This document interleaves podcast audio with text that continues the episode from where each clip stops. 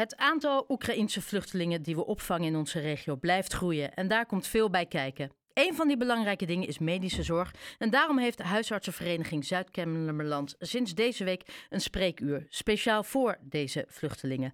Ron Peters is een van de coördinatoren hiervan. Goedenavond, meneer Peters. Goedenavond, je mag gewoon Ron zeggen hoor. Dat doet iedereen, ook mijn patiënten. Nou, dank u wel. Uh, uh, Ron, hoe zijn die eerste twee dagen verlopen? We hebben gisteren onze allereerste spreekuur, centrale spreekuur gedaan. Dat doen we het, uh, op de huisartspost in het uh, Spaarne Gasthuis in Arnhem-Zuid. Omdat daar uh, spreekkamers voldoende zijn en goede faciliteiten om dat ook te doen. En we hebben de eerste zes patiënten of klanten, zou je kunnen zeggen, gezien. Met een uiteenlopende problematiek. Van toch wel zwaar getraumatiseerde mensen tot, tot eenvoudige vragen. Van ja, dok, mijn recepten zijn op en ik weet niet hoe ik aan nieuw moet komen. Uh, en uh, een iemand die bijvoorbeeld uh, gevlucht was uit het ziekenhuis in Oekraïne, waar de behandeling nog niet eens afgesloten was, die wij gelukkig meteen hebben kunnen onderbrengen bij een van de neurologen in het Spaarne Gasthuis. Dus een prachtige en, en een zeer goed geoutilleerd en, en gelopen spreekuur voor de eerste keer. Ja, hoe is dat plan van het spreekuur gekomen en, en hoe hebben jullie het kunnen uitvoeren? Want het, ja, het, een, het ene is makkelijker dan het andere. Ja, we, hebben een beetje ervaring. We hebben de afgelopen anderhalf jaar ook een uh, COVID-spreekuur gehad als uh, huisarts in Zuid- en Midden-Kennemerland. Een centraal COVID-spreekuur op dezelfde locatie. Dus laten we zeggen, de logistieke structuur, daar hadden we wel ervaring mee. Maar vorige week, uh, wat was het, dinsdag of woensdag, bedachten we dat we toch eigenlijk weer zoiets moeten gaan doen. Omdat we merken dat ja, als je goede zorg wil leveren, dan moet je daar goede ruimte voor hebben, goede ICT-voorzieningen voor hebben, menskracht voor hebben, met name tolken. En die kunnen we gelukkig gelukkig aanbieden daar. We hebben zelfs assistenten die Russisch en Oekraïens spreken. En rustig de tijd kunnen nemen voor de bijzondere problematiek die deze vluchtelingen met zich meebrengt. Ja, en dan, u zei het net al, er is natuurlijk een verschil tussen de, mentale klachten uh, en de fysieke klachten. Dus u, u, krijgt natuurlijk met alles te maken. Ja, maar dat is huisartsgeneeskunde, hè? Ja, ja maar hoe gaat het dan bijvoorbeeld met doorverwijzen? Want dan... Ja, dat is, dat is eigenlijk helemaal geen probleem. A, zit je in het ziekenhuis. B, zijn wij huisartsen ook in onze gewone praktijk gewoon gewend als er problematiek is die niet op een huisartsneskundige manier opgelost kan worden. Om dan uh, op een adequate manier een specialist of een, of een andere verwij een ander, ander iemand in te schakelen waar we naartoe kunnen verwijzen. En kunnen we dan dus eventueel gebruikelijke wachttijden die hè, normaliter misschien uh, meespelen, kunnen we die dan omzeilen? wachttijden waar het gaat om zwaar getraumatiseerde mensen zouden eigenlijk niet moeten bestaan.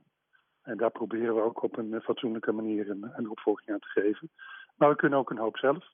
Uh, als huisartsen per slotverrekening. Dat gebeurt ook al in de regio. Want uh, vergeet niet, er zitten al honderden uh, Oekraïnse vluchtelingen bij particulieren thuis. Hè? We weten ja. niet hoeveel, want de registratie loopt nog niet zo goed. En die mensen krijgen de afgelopen weken al zorg. Vaak van de huisarts, van de, van de inwoners van de bewoners van het huis waar ze inwonen. Weten de Oekraïnse vluchtelingen jullie te vinden? We hebben afspraken gemaakt met vluchtelingenwerk, met gemeenten en met name de veiligheidsregio en het Rode Kruis, hoe mensen bij ons terecht kunnen komen. En de tweede vangnet wat we hebben, is dat als mensen zorg zoeken, en de, dan, dan, kloppen ze aan bij de dichtstbijzijnde huisarts. En die kijkt of de huisarts die zorg zelf kan verlenen. Of dat verwezen wordt naar de centrale spreekuur wat we nu begonnen zijn. Ja, uh, uh, en wat betreft medicijnen, die zijn gewoon kostbaar, zijn prijzig. Hoe is dat opgelost?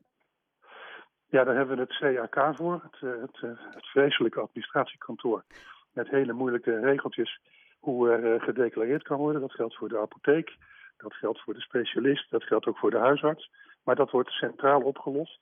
En op het landelijk niveau van de Landelijke Huisartsenvereniging zijn we druk bezig om daar een simpele oplossing voor te krijgen. Maar dat betekent in veel gevallen dat uh, ja, een deel van de zorg die je levert voorlopig even gratis is. Oké. Um, uh, en u bent natuurlijk wel wat gewend als, nou ja, u bent gepensioneerd inmiddels, maar u heeft natuurlijk jarenlang gewerkt als huisarts. Als u al deze schijnende verhalen hoort, breekt u hart? Een beetje wel, maar vergeet niet, ik ben lang huisarts geweest in Velsenbroek, waar we veel Syrische vluchtelingen hebben zitten dat uh, dan breekt je hart ook. En het is in dit geval niet anders. Is dat juist dan heel goed dat u die ervaring al heeft? Dus dat, of, of dat men in Velsenbroek die ervaring al heeft, waardoor je, ehm, hoe zeg je dat, sneller overgaat tot de orde van de dag, ondanks die hele verdrietige situatie? Ja, maar ook dat is een beetje huisarts eigen, ben ik bang. Van het ene moment op het andere moment kun je te maken krijgen met hele droevige dingen. Met dood, met geboorte. En wij zijn daar toch wel, uh, toch wel in, in, in gehakt misschien aan de ene kant. Maar aan de andere kant, uh, het gevoel blijft. En ik ja. moet s'avonds ook wel eens eventjes uh, uitpraten thuis. Nou, dat is. Uh, uh, meneer Peters, uh, of Ron, sorry, ik herstel mezelf direct. Voor degene, u zei net al, er zijn nog een aantal, en ik had net burgemeester Nienhuis hier, die ook zei dat een aantal mensen die bij particulieren thuis zitten nog niet geregistreerd zijn. Dat is natuurlijk wel van belang om u te kunnen vinden. Of um, überhaupt om de zorg te kunnen krijgen. Ja, maar daarvoor hebben we dus de structuur dat dat of gaat via de huisartsen in de buurt, die ten ja. alle tijden openstaan voor vragen de huisartsen in de buurt van waar iemand woont zorgen ook voor de acute zorg. Hè, want dat kunnen wij niet met een spreekuur van één middag in de week op dit moment. Dus via de huisartsen in de regio zijn wij altijd te vinden. Ja. En twee, hebben wij goede afspraken met uh, Rode Kruis, uh, Vluchtelingenwerk en ook met de gemeentes. Zeker als straks ook een groot aantal van deze vluchtelingen in centrale opvanglocaties zal komen.